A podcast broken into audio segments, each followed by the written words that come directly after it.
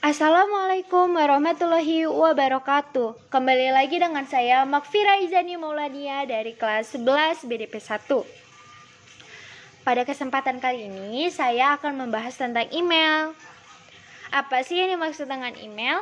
Email merupakan singkatan dari electronic mail atau surat elektronik Pengertian email adalah salah satu jenis layanan internet yang dapat digunakan sebagai sarana untuk mengirim dan menerima surat elektronik kepada dan dari pemakai komputer lain yang terhubung di internet. Selain itu, email juga digunakan untuk mengirim surat yang disertai file sebagai lampiran.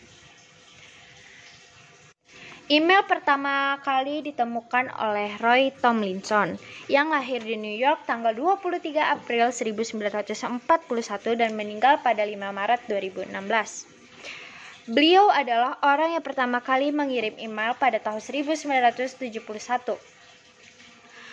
Teks email pertama kali yang dikirim adalah barisan pertama di keyboard komputer.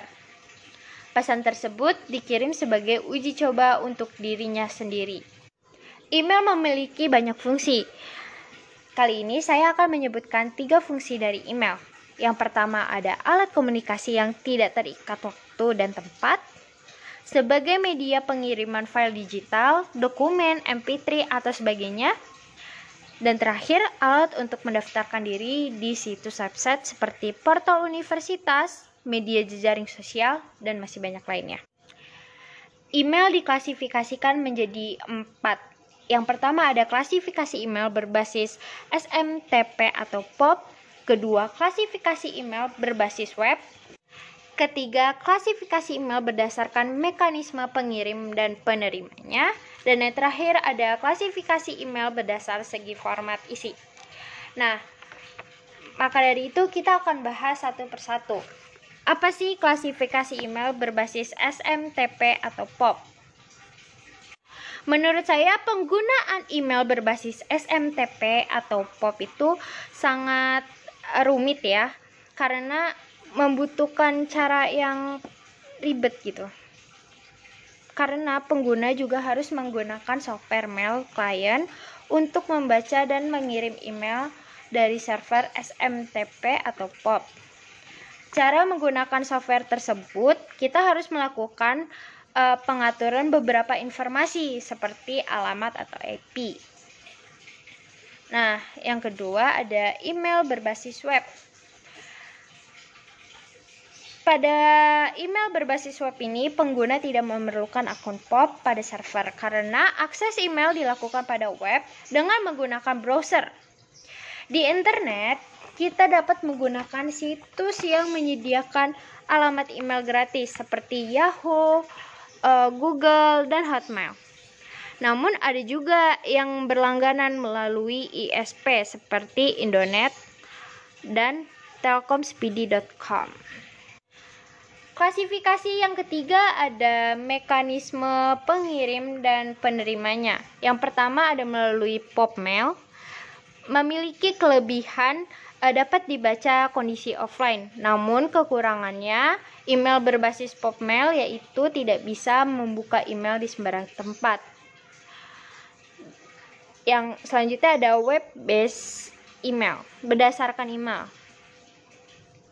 Kelebihan yang diberikan adalah biaya yang gratis dan dapat mengecek di mana saja.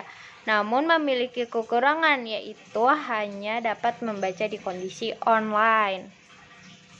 Ketiga ada email forwarding. Kelebihannya adalah bisa membunyi bisa menyembunyikan alamat email sesungguhnya namun bersifat perantara dan harus menuliskan email yang diterima ke alamat yang lain.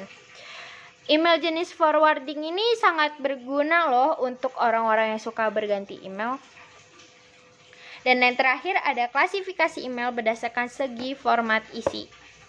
Pertama itu ada plain text atau tulisan yang diketik hanya berupa data dalam format ACI. Tulisan yang disajikan tidak dapat memungkinkan untuk membuat modifikasi. Maksudnya kita tuh nggak bisa membuat tulisan uh, tebal, miring, atau mengganti warna font. Yang kedua ada HTML.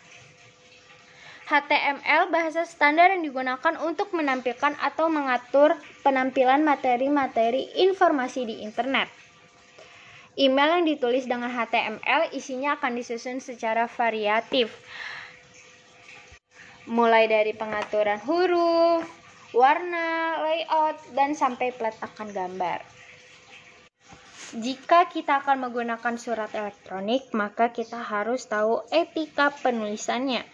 Yang pertama, jangan biarkan kolom subjek kosong. Lalu, tidak mengirimkan lampiran yang terlalu besar. Jangan forward surat elektronik tanpa berpikir. Tidak boleh menggunakan huruf kapital. Gunakan huruf dan kata-kata yang mudah dibaca. Dan yang terakhir, gunakan kata dengan santun. Di email juga terdapat eh, istilah-istilah uh, yang akan kita sering didengar Salah satunya ada draft atau surat yang ditulis namun belum terkirim, send atau surat yang terkirim, spam atau surat yang berisi kata-kata tidak baik, reply membalas surat, trash adalah email yang telah dihapus. Selanjutnya, kamu bisa mencari lebih dalam dari internet. Email juga memiliki kelebihan dan kekurangannya. Kelebihannya yaitu menawarkan kecepatan berkirim surat, murah, menawarkan cara yang praktis, data yang tersimpan aman, serta rapi. Namun juga memiliki kekurangan. Yang pertama tergantung dengan hardware dan tergantung dengan koneksi. Begitulah tadi pembahasan saya mengenai email. Apabila uh, ada kekurangan, bisa ditambahkan. Sekian, terima kasih. Wassalamualaikum warahmatullahi wabarakatuh.